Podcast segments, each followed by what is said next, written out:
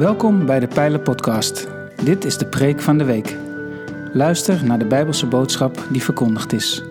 We hopen dat je groeit in kennis en liefde voor Jezus Christus.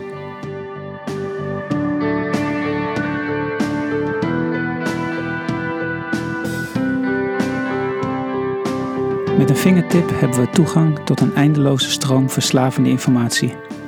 Toegang tot informatie is nog nooit zo gemakkelijk geweest, maar het verwerven van wijsheid wordt steeds moeilijker. In een poging om ons te helpen een gebalanceerder en gezonder dieet van informatie te consumeren, heeft Brett McCracken de piramide van wijsheid gecreëerd. Geïnspireerd door de voedselpiramide, die we in Nederland kennen als de schijf van vijf. In de pijler denken we zes weken lang na over elk van deze lagen uit de piramide. Goedemorgen. Laat ons Christus zien. En dat in een wereld die bol staat van van alles en nog wat. Ik weet niet hoe dat met u is, maar ik heb er soms moeite mee om een helder zicht op Christus te houden in alle drukte die om me heen gebeurt. Het lijkt er in deze wereld soms op dat we van probleem naar probleem hoppen en dat we de tijd die er tussenin zit hard nodig hebben om een beetje op adem te komen. Moeten we ons wel of niet laten vaccineren? Moeten we voor of tegen de QR-code zijn? Moet ik proberen om de puzzel van het boek Openbaring iets wat bijzonder ingewikkeld is, moet ik niet proberen te leggen? Of moet ik het doen met de woorden van het evangelie? Vind rust, alles is in de hand van God en Jezus is daarvan het bewijs. Moet ik spreken of zwijgen? Moet ik handelen? Moet ik wachten? Onze wereld lijkt gevangen in een draaikolk van meningen en al die verschillende visies die lijken ons als een losse kudde uit elkaar te drijven. En vandaag mag ik jullie, met jullie spreken, Jerry zei het al, over de vierde laag van de wijsheidspyramide, over boeken. Dat wat geschreven is. En misschien ben je zelf niet zo'n lezer. Misschien hou je er niet zo van. Heb je nooit, zoals Jerry met zijn zoon deed, incentives gehad, beloningen gehad om te lezen. Misschien heb je last van dyslexie en vind je het erg moeilijk om te lezen. Woordblindheid, allerlei dingen. Het kan. En toch denk ik dat ik vandaag iets heb wat voor iedereen van toepassing is, ook als je niet zo graag leest. Want het zijn verwarrende tijden. En ik wil vandaag putten voor de lijn van mijn preek uit een boek dat eeuwen geleden geschreven is. Um, er is jarenlang, eeuwenlang gedacht dat het rond de tiende eeuw voor Christus geschreven is. Tegenwoordig, op basis van het taalgebruik, denken ze dat het toch iets meer is geschreven richting de derde eeuw voor Christus. Maar hoe dan ook, is het boek zo'n grove 25 tot 2500 tot 3000 jaar oud.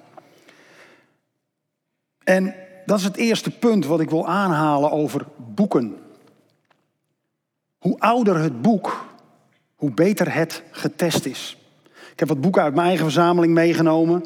En eh, ik ben nog zuinig op mijn boeken, dus helaas, die mogen jullie na afloop van de dienst niet meenemen. Die zijn van mij. Um, maar met oude boeken is het zo dat die boeken die zijn getest door de tijd. Dit boek van Dietrich Bonhoeffer, Navolging, fantastisch boek. Echt diepe, zinnige dingen van een man die, ja, voor dat wat hij geloofde, letterlijk zijn leven gaf in de Tweede Wereldoorlog.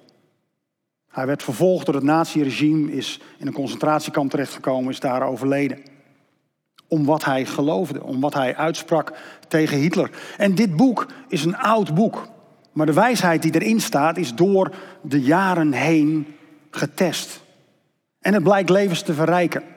Nu is ouderdom van een boek niet meteen het een garantiemiddel. Want Mein Kampf van Hitler is zelfs iets ouder dan dit boek. Dus je moet een oud boek ook gaan afrekenen aan wat was het gevolg van dat boek? Wat hebben mensen gedaan met die woorden? En als we kijken naar het boek Mein Kampf van Hitler, dan zien we dat die woorden tot op de dag van vandaag een vernietigende uitwerking heeft. Dus een oud boek is een getest boek, maar check voordat je helemaal in de ban raakt van zo'n boek ook even de testuitslagen. Ik zet het even tegenover een uh, nieuw boek. Um, ik ken de schrijver vrij goed, want dat ben ik zelf. Maar deze is echt uh, in juni, uh, is die geloof ik uitgekomen, mei of juni. En dit is een nieuw boek. Dit is kort, dit is, uh, het zijn mijn gedachten over oordelen, waarom iedereen gelijk heeft, behalve jij. Een titel waarvan mensen zeggen, die past echt bij jou. Ja. Ehm, ik hou wel van woordspelletjes.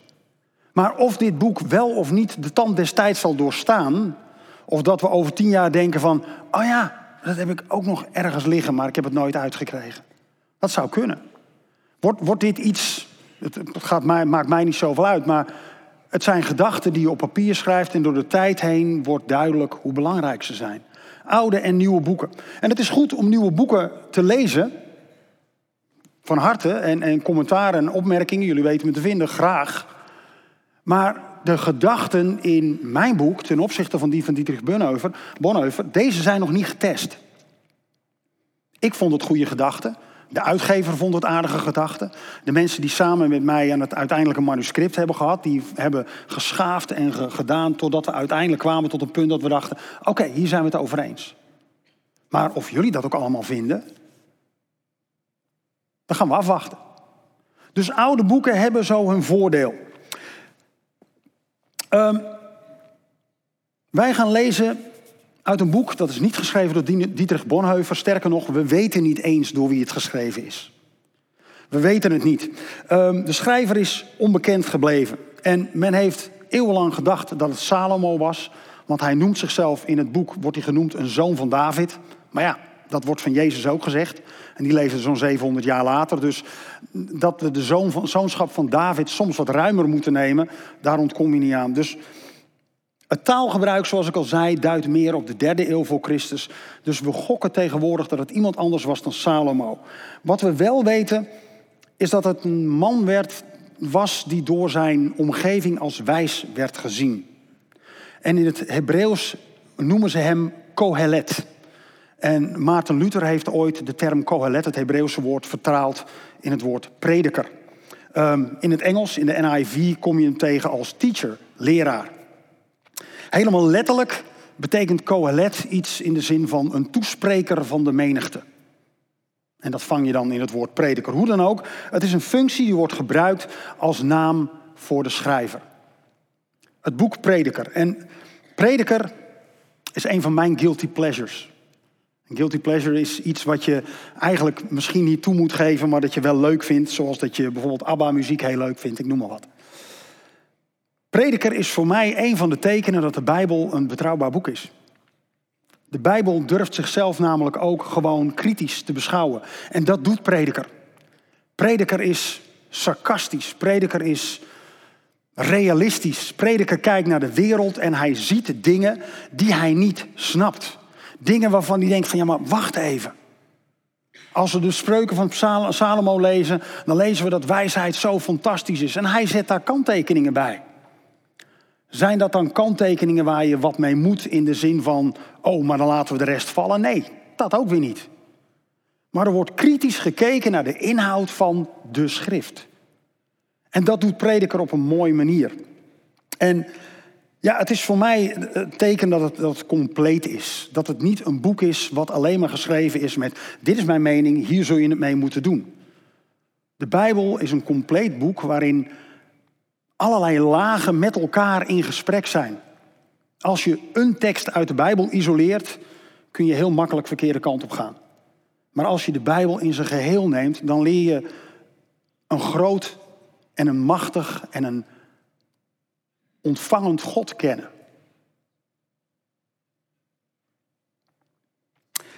Prediker heeft een, ehm, een standaard zin waarmee hij bijna alles waar hij moeite mee heeft afsluit. En dat, heet, dat zijn dingen, termen als het najagen van wind of lucht en leegte noemt hij het. Ik heb het genoemd een hoop gedoe om niets. Ik uh, ga een aantal teksten uit Prediker met u lezen. We gaan gewoon het hele boek Prediker door. We gaan hem niet helemaal lezen, want dan zouden we tussendoor lunch moeten gaan serveren. Uh, maar Prediker is eh, twaalf uh, hoofdstukken groot. En ik ga uit een aantal hoofdstukken ga ik teksten lezen. En vanuit die teksten ga ik reflecteren op wat boeken buiten de Bijbel ons te zeggen zouden kunnen hebben. Waarin ze bijdragen, waarin ze misschien afleiden, waarin ze ons scherpen. En waarin ze ons misschien wel irriteren. Ik wil beginnen met Prediker 1, vers 17 en 18.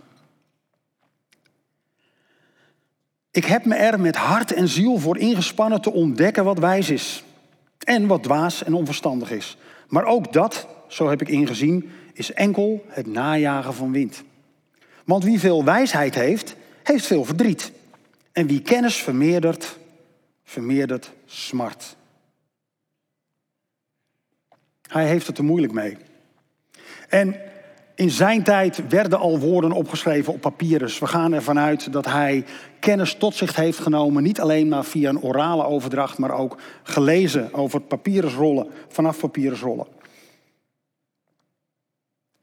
En voor de mensen die, die goed kunnen lezen, is lezen een, een bron van rijkdom. En het is een, het rondvroeten in een mening van iemand anders. Een mening die niet per se die van jou hoeft te zijn.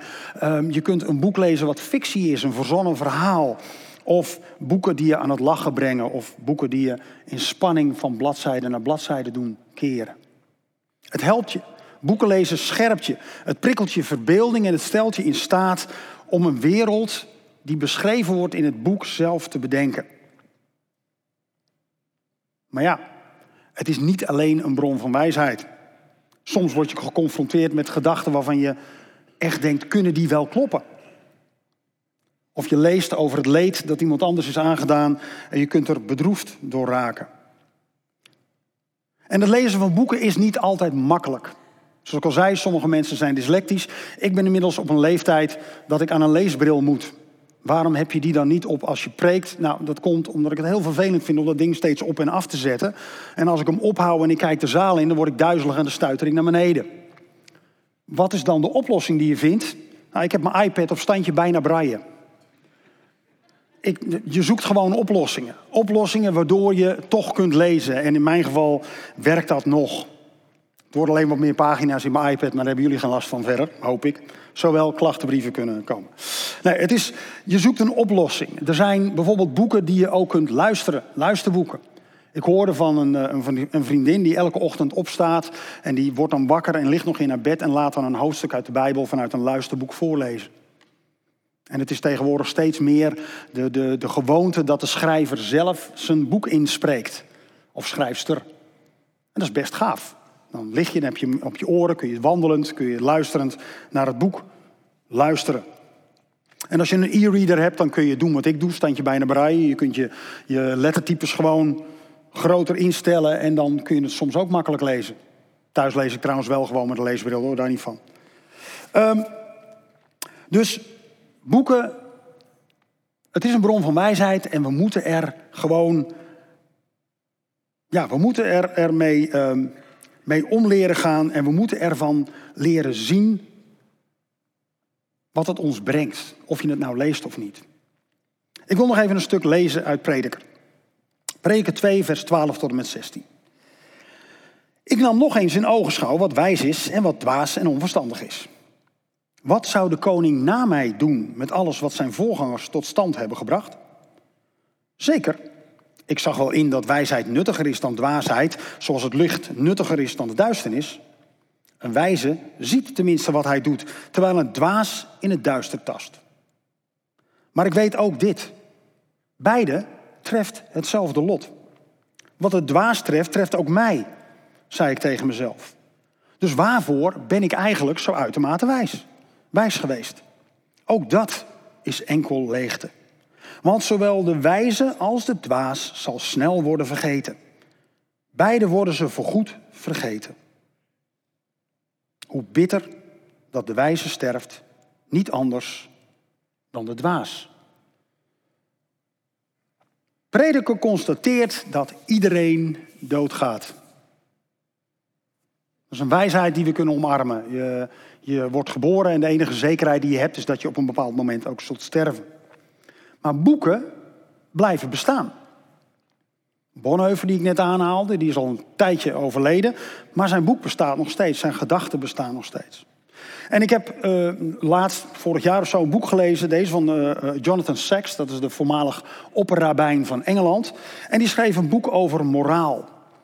De, de redenen waarom we bepaalde dingen wel of niet zouden moeten doen. En toen ik dit boek las, toen kwam ik in aanraking met gedachten die niet direct mijn gedachten waren.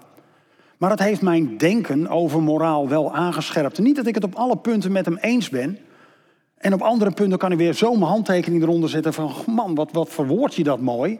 Het scherpt mijn denken, het maakt het ruimer, groter. Maar het definieert voor mij ook een bepaald punt van hé, hey, maar daarin denk ik anders dan jij. En dit boek zal waarschijnlijk, hij wordt een van de grootste denkers van de, van de 21ste eeuw genoemd. Um, dit boek zal waarschijnlijk nog wel jaren bestaan. Ook als Jonathan Sacks zelf overleden is. Dus als ik een boek lees, zeker een boek wat gaat over een, een, een, onderwerp waarin ik me wil verdiepen, dan geeft dat mij een mening van iemand anders. En ik kan kiezen of ik me daar tegenover wil opstellen of daarnaast, of dat ik er voor mezelf mee in gesprek ga. Ook op die zin geeft het ons wijsheid. En dat is niet alleen de wijsheid uit het boek, maar ook het proces wat het in je aanzet. We gaan verder met Prediker. Prediker 2, vers 22 tot en met 24. Welk voordeel heeft de mens van alles wat hij moeizaam heeft verworven? Hij jaagt het na en zwoegt ervoor onder de zon. Maar alle dagen van zijn leven brengen hem verdriet. Alles wat hij onderneemt brengt hem niets dan smart. Had al gezegd dat hij een beetje cynisch is, hè? Hij is niet echt een, eh, zonnetje in huis. Maar toch. Zelfs s'nachts vindt hij geen rust. Ook dat is leegte. Het is daarom nog maar het beste voor een mens dat hij zich aan eten en drinken te goed doet en volop geniet van alles wat hij moeizaam heeft verworven. En ook dat, zo heb ik ingezien, is in de hand van God. Heb lol, leef, eet, drink. Want uiteindelijk, concludeert prediker, gaan we toch gewoon allemaal dood. En je plezier, je ontspanning is ook in de hand van God. En zo is het ook met lezen. Lezen is niet alleen voor de, voor de, de, de, de diepe onderwerpen. dit boek, te, ja, ik heb hem eh, eruit gepakt omdat het een leuke illustratie is van, uh, van de verbeelding van boeken. The Hunt for Red October. Is een boek van Tom Clancy, spionage, thriller, uh, een beetje eindkoude oorlog. En ik heb met dit boek heb ik ooit een fout gemaakt.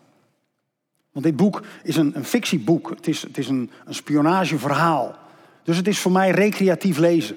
Hier heb ik niet direct een mening in dat ik ineens denk van, oh, nu moet ik anders gaan nadenken over hoe ik omga met mijn medemensen of zo. Nee, dit is gewoon een spionagetriller. Een beetje een James Bond filmen dan anders. Nou, puur ontspanning. En, zegt prediker, ontspanning is belangrijk hè, in ons leven.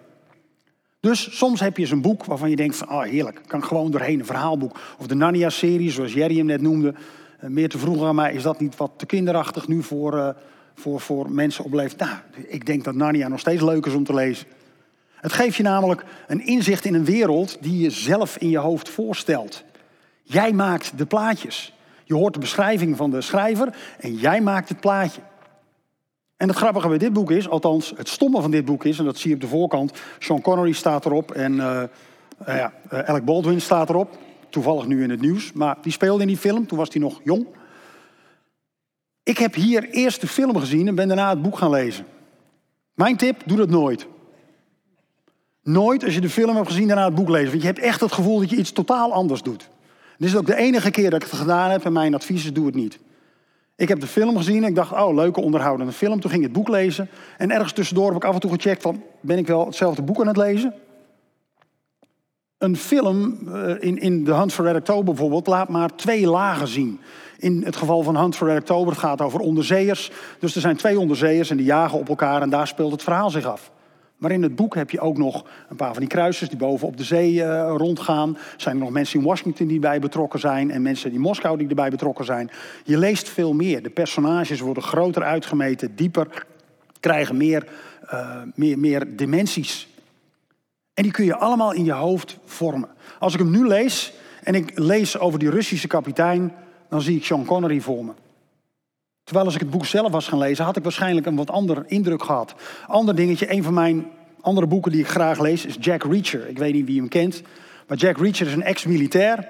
Is, uh, wordt beschreven in zijn boek als een vent die ongeveer ruim 1,90 meter is. En die is enorm stevig, uh, een beetje een ruige vent, et cetera. Nee, maar um, hij, is, nou ja, hij, hij is een beetje een zwerver. Hij loopt een beetje rond en hij lost problemen op. En toen gingen ze een boek verfilmen. En toen namen ze Tom Cruise als hoofdrolspeler. En Tom Cruise is niet daar, maar daar. En Tom Cruise is geen grote sture militair. Tom Cruise is een gepolijste Scientology-aanhanger.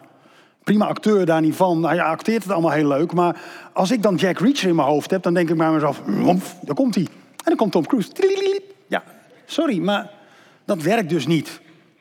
Het beeld wat je vormt door een boek is niet jouw beeld. Je verplaatst je in de wereld van een ander. En dat is, ja, dat is mooi. Dat prikkelt je fantasie. Dat maakt dat je zelf dingen gaat koppelen aan het boek, dingen uit je eigen omgeving soms. Oké, ehm, we gaan verder met Prediker. Hoofdstuk 3, vers 12 tot en met 15. Ik heb vastgesteld dat voor de mens niets goeds is weggelegd, behalve vrolijk te zijn en van het leven te genieten. Want wanneer hij zich aan eten en drinken te goed doet en geniet van al het goede dat hij moeizaam heeft verworven, is dat een geschenk van God. Alles wat God doet, zo heb ik vastgesteld, doet hij voor altijd. Daar is niets aan toe te voegen, daar is niets van af te doen. God doet het zo opdat wij ontzag voor hem hebben. Wat er is, was er al lang. Wat zal komen, is er altijd al geweest. God haalt wat voorbij is altijd weer terug. Er is een, ehm, een lied gemaakt ooit naar aanleiding van, uh, van Prediker 3 door de Birds. Het nummer heet Turn, Turn. En ehm, in de tekst die staat er ook voor dit stuk. Er is een tijd voor alles, schrijft Prediker daar. Maar alles komt weer terug. De geschiedenis is een soortement, ja, een soortement draaikolk waarin we continu langs dezelfde punten lopen. En soms duurt het langer voordat we bij hetzelfde punt zijn en soms zijn we er veel sneller.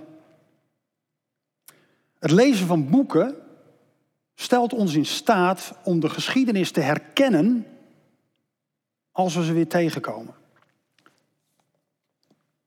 Dit boek, Liverpool Street, geschreven door de geschiedkundige Anne Voorhoeven, gaat over een Joods meisje dat in Berlijn woont uh, tijdens de begindagen van de Tweede Wereldoorlog. En haar ouders worden opgepakt door de nazi's, omdat ze Joods zijn. En zij vlucht. Zij vlucht uit Berlijn, komt in contact met wat mensen in Nederland en die brengen haar naar Engeland. En dan ben je ineens een klein meisje in Engeland, waarin Londen eh, de boel gebombardeerd wordt door de Duitsers, waarin zij naar het platteland verhuisd wordt. En zij is ineens in een totaal andere wereld. Ook weer zo'n voorbeeld van, ik, ik ben nog nooit een klein meisje geweest. Maar door haar verhaal te lezen kan ik me wel beter verplaatsen in de kwetsbaarheid die zij meemaakte toen. Het verruimt mijn blik. Het helpt mij om de ander te begrijpen. En bovenal, geschiedkundig, zoals ik al zei, de schrijfster is een geschiedkundige. Geschiedkundig stelt het mij in staat om bepaalde dingen uit de geschiedenis te herkennen. Mensen apart zetten. Mensen aan de zijkant zetten omdat ze toevallig uit een land vandaan gevlucht zijn en wij ze hier niet willen. Mensen demoniseren. Roepen dat dit een land is wat alleen maar voor blanken moet zijn. Ik zag laatst van een politieke partij een rompertje dat ze uitdeelden aan hun jonge volgers met wij maken zelf wel nieuwe Nederlanders. Ja, sorry, maar dan herken ik punten uit dit boek. En ook uit andere boeken die ik niet graag lees. De geschiedenis herhaalt zich en het is onze taak om te zorgen dat de geschiedenis zich in ieder geval niet op dezelfde manier herhaalt om daarop scherp te blijven. En als je boeken leest, dan leer je die geschiedenis herkennen. Dan leer je zien wat er gebeurt. En dan leer je ook zien wat er gebeurt als we er niks aan doen. Liverpool Street is aanrader. Ehm, het boek gaat over een klein meisje, heel anders dan Jack Reacher. En toch heb ik het met veel plezier gelezen en ik heb er veel van geleerd. Mooi boek. De prediker loopt een heleboel dingen door die we, die we tegenkomen in boeken. Dingen, wijsheden die hij heeft opgedaan vanuit de papieren rollen die hij las. En sommige fouten, die, ik noemde net de fout die we aan in de aanloop naar de Tweede Wereldoorlog gemaakt hebben. Maar joh, die, grote fouten zijn allemaal terug te herleiden op een fout die we continu herhalen. Check hem maar even in Genesis 3 ergens. Daarin uh, wordt aan uh, de man en de vrouw de verleiding voorgehouden om groter te zijn dan God. En ze trappen erin. En we trappen er elke dag in. Wij willen graag groter zijn dan God. Wij maken zelf wel uit wat goed voor ons is. Waarom hebben we God nog nodig? Sinds de verlichting is God toch dood? Waarom heb je hem nodig? Die valkuil die staat er al sinds Genesis 3 en dat is zo'n beetje heel, heel, heel erg oud.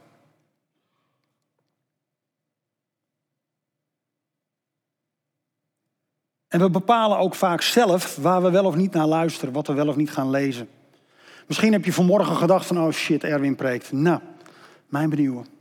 En misschien dacht je wel, oh ja, Erwin preekt, die gaat iets zeggen waar ik wat aan heb. Of, oh, Hetty doet de zangleiding, misschien heeft ze straks nog een mooie inleiding. Oh, Jerry doet de dienstleiding, wat leuk. Of je denkt van, ah nee, langdradig. Op het moment dat je van tevoren al vast hebt gesteld hoe jij kijkt naar degene die hier staat, ben je dan nog in staat om Gods woord te horen? Of hoor je dan alleen maar een bevestiging van je eigen vooroordeel?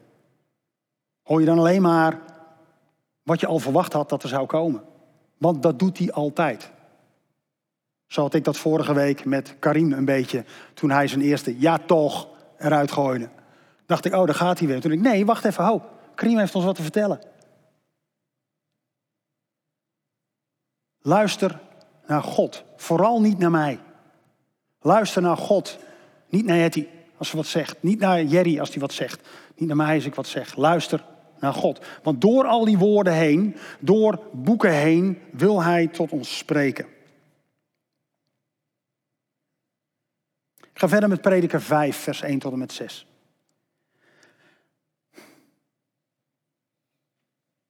Wees niet te haastig met je woorden en doe God niet overijld met heel je hart geloften. Want God is in de hemel en jij bent op aarde. Dus moet je spaarzaam met je woorden zijn. Drukte leidt tot dromerij en veel praten tot gebazel. Wanneer je God toch een gelofte doet, lost die dan ook spoedig in. God is niet gesteld op dwazen. Los dus je geloften in. Je kunt beter geen gelofte doen dan een gedane gelofte niet inlossen. Sta je mond geen loze, zondige gelofte toe en zeg niet naderhand tegen de priester dat ze een vergissing waren. Wil je soms dat God zich kwaad maakt over dergelijk gepraat? En moet hij wat je hebt bereikt ten gronde richten? Dromerij en lege woorden zijn er al genoeg. Dus heb ontzag voor God. Boeken geven ons voorbeelden in wie wij ons kunnen inleven en door wiens ogen wij een tijdje naar de wereld kunnen kijken. Boek van een collega-voorganger, Kees Kraaienoord, Backstage. Um, hij is in dit boek heel eerlijk en open over keuzes die hij gemaakt heeft. En dingen die niet altijd zo gingen als dat hij dacht dat ze zouden gaan. Hij is eerlijk over dingen die hij wilde bereiken en dat hij er pas later achter kwam, wat God eigenlijk wilde bereiken. En door al zijn vallen en opstaan heeft hij geleerd en wordt hij gezegend. Boeken stellen ons in staat om een tijdje met iemand mee te lopen en hun wandel met God mee te maken, te doorleven. Om meer te zien dan alleen maar de tweedimensionale personen die we op de YouTube-filmpjes zien, maar driedimensionaal. Een kijkje in de kleedkamer, daarom hij noemt hij het ook backstage. Want de beloften die wij doen aan God, die moeten dus ook blijven staan als de wind tegen is. En ik weet niet hoe het met jullie leven is, maar mijn leven gaat nooit één of twee jaar door zonder een fikse wind tegen. En tegenwind helpt mij om te bepalen of de koers nog steeds de koers is die ik wil varen. Wil ik daar nog steeds heen? Ook al heb ik tegenwind, ook al doet het pijn, ook al is het lastig, ook al begrijpen mensen me niet. Wil ik daar nog steeds heen? Is het nog steeds mijn principe? Is het nog steeds de belofte die ik heb gedaan aan God? Of moet ik wat anders? Boeken kunnen daarin een rol spelen. Boeken kunnen daarin ons scherpen, ons door de ogen van anderen laten kijken. En in Prediker 8, vers 16 tot en met 17 en dat is voor mij de kerntekst van prediker. Want ik denk dat ik best wel redelijk wat weet. Ik heb een redelijke algemene kennis. In, in een heleboel gebieden kan ik best wel aardig meepraten en kletsen. Als ik met Danny praat, kan ik over de bouw praten. Als ik met Gonda praat, kan ik best wel een beetje over, over mixed martial arts praten. Of over de klap die Rico Verhoeven gisteren op zijn gezicht kreeg. Ik kan misschien wat over de landbouw met je delen. Ik kan, uh, nou, uh, piano kan ik ook een beetje spelen, Erwin, dat kan ook nog. Dus er zijn best dingen waar ik heel wat over kan zeggen. En toch, deze tekst. Prediker 8, vers 16 en 17. Ik zocht met heel mijn hart naar wijsheid. Alles wat de mens op aarde onderneemt, wilde ik doorgronden. Nooit geeft hij zijn ogen rust, dag nog nacht. Maar bij alles wat God doet onder de zon, zo heb ik ingezien, doet hij wat hij doet. De mens is niet in staat de zin ervan te vinden. Hij topt zich af en zoekt erna, maar hij vindt hem niet. En al zegt de wijze dat hij inzicht heeft, ook hij is niet in staat de zin ervan te vinden. Ik vind dit zo'n gaaf stuk tekst.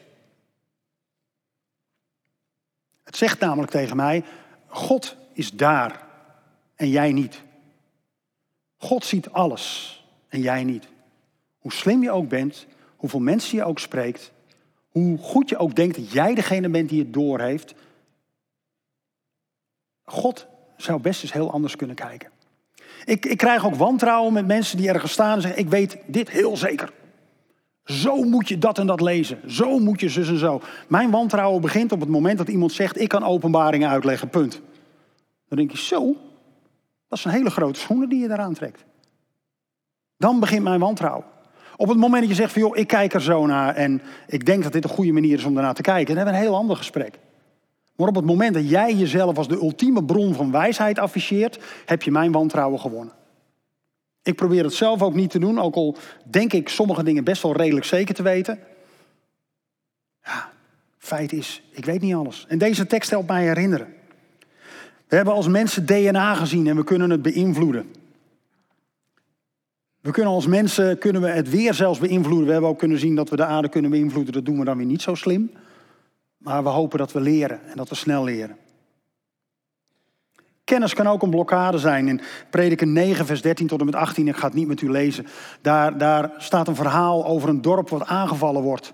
En er is een man van lage kom af die een oplossing heeft om de vijand te verslaan. Maar ze luisteren niet naar hem, want hij is van lage kom af. Soms komt de beste raad uit de meest onverwachte hoek. En kennis kan ons lam leggen. Kennis is ook iets anders dan wijsheid. Kennis is veel weten, wijsheid is weten hoe je ermee om moet gaan. Kennis kan ons besluiteloos maken. In Prediker 11, vers 4 tot en met 6 zegt Prediker: Wie altijd op de wind let, komt nooit aan zaaien toe. Wie altijd naar de wolken kijkt, komt nooit aan maaien toe. Je kent de wegen van de wind niet. Je kent het kind dat in de moederschoot, moederschoot groeit niet. Zo ken je ook de daden niet van God, die alles maakt. Zaai van de morgen tot de avond, laat je hand niet rusten, want je weet niet of het zaad de ene of de andere elke keer ontkiemen zal. Prediker weet veel en hij concludeert alles is lucht en leegte. Maak je niet zo druk. En tegen het einde, als we aankomen bij hoofdstuk 12, dan begint hij te relativeren. En dan wordt er ineens over hem gesproken in de derde persoon enkelvoud. In Prediker 12, vers 9 tot en met 15 lezen we: Prediker was een wijs man. En hij heeft het volk veel kennis bijgebracht. Hij heeft gewikt en gewogen en veel spreuken opgesteld. In treffende spreuken probeert de prediker de waarheid getrouw onder woorden te brengen. De woorden van de wijze zijn zo scherp en puntig als een ossenprik. Al hun spreuken zijn door ons één herder, één herder ingeprent. Sorry, zijn ons door één herder ingeprent. En tot slot, mijn zoon, nog deze waarschuwing. Er komt geen einde aan het aantal boeken dat geschreven wordt. En veel lezen mat het lichaam af. Alles wat je hebt gehoord komt hierop neer. Heb ontzag voor God en leef zijn geboden na. Dat geldt voor iedereen. Want God oordeelt over elke daad, ook over de verborgen daden. Zowel over de goede als de slechte. Lezen mat het lichaam af. Prediker heeft zelf heel veel gelezen. En dan zegt hij aan het einde van, joh, maak je niet zo druk. Het is toch allemaal lucht en leegte, is een hoop gedoe om niets. Doe wat je kunt. Breng God daarvoor de eer en klaar.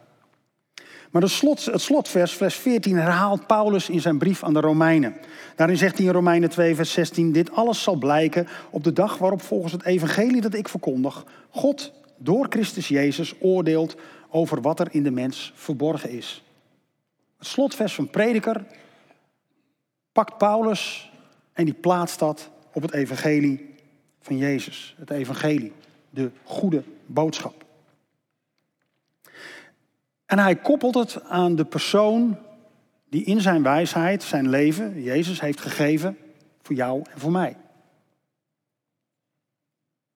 We mogen ervan uitgaan dat Jezus, God, de Heilige Geest, met ons meeleest.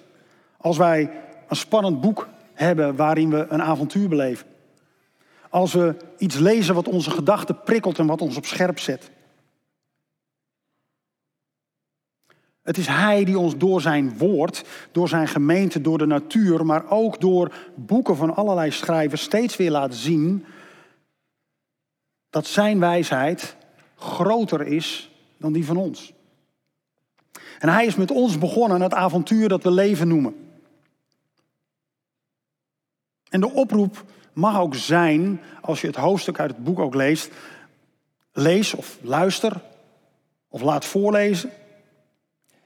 Lees eenvoudige teksten met of zonder leesbril. Met je e-book op standje bijna breien. Duik onder in gedachten die niet van jou zijn en leer. Leer de ander zien, leer de ander begrijpen. Ook al ben je het misschien niet met hem of haar eens. En daarmee ga je dan het avontuur in met Jezus. En in al die woorden die je leest moet je beseffen dat Jezus het woord genoemd wordt. Het woord is groter dan alle woorden die hier op papier staan. Het woord is zelfs groter dan alle woorden die in de onderste laag in de Bijbel op papier staan. Het woord is een mens. Het woord leeft. En het woord is Jezus. En misschien denk je, is dat niet een te simpele oplossing? Ja, kan het niet anders maken. Het is echt zo simpel. Wijsheid begint met overgave. Wijsheid begint met het erkennen dat wat je ook gelezen hebt, dat je niet alles weet. En als je hier bent, vandaag of thuis meekijkt, en je vraagt je af, is dat ook voor mij? Ja, dat is ook voor jou. En voor degenen die zich dat afvragen, meld je via de telefoon als je thuis kijkt of bij de balie na afloop. Als je denkt, hier moet ik over praten met iemand. Ik wil hierover in gebed. Want ik lees zoveel woorden. En ik wil ze leren spiegelen aan het woord, aan Jezus. Boeken geven ons wijsheid. Andere werelden, andere gedachten, andere gewoonten. En ze helpen ons zien. Zeker als we het lezen vanuit onze kennis van het woord Jezus. Als we Hem het filter laten zijn waardoor we lezen, dan zullen we wijzer worden en beseffen dat onze wijsheid beperkt is. Ik wil met jullie afsluiten met gebed.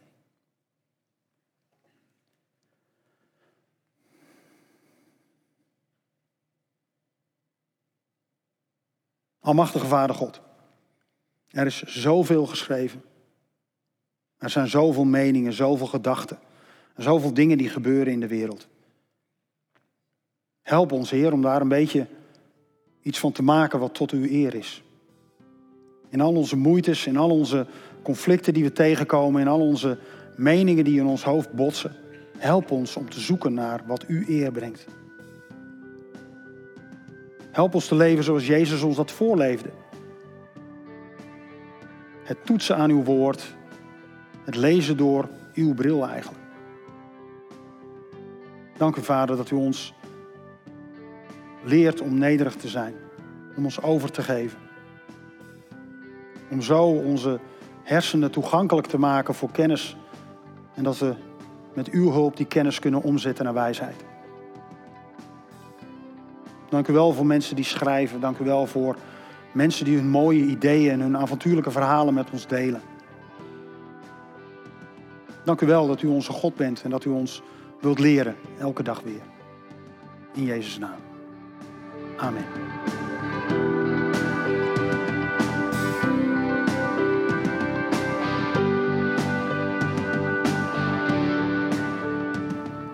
Bedankt voor het luisteren naar deze aflevering van de Pijlen Podcast, Preek van de Week.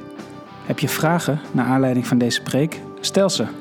Dat kan via een e-mail naar onderwijs.pijler.nl. We helpen je graag verder in je groei als leerling van Jezus Christus. Abonneer je op deze podcast, zodat je altijd op de hoogte blijft van het onderwijs uit de pijler. Goede week gewenst, ga in vrede, want God is nabij.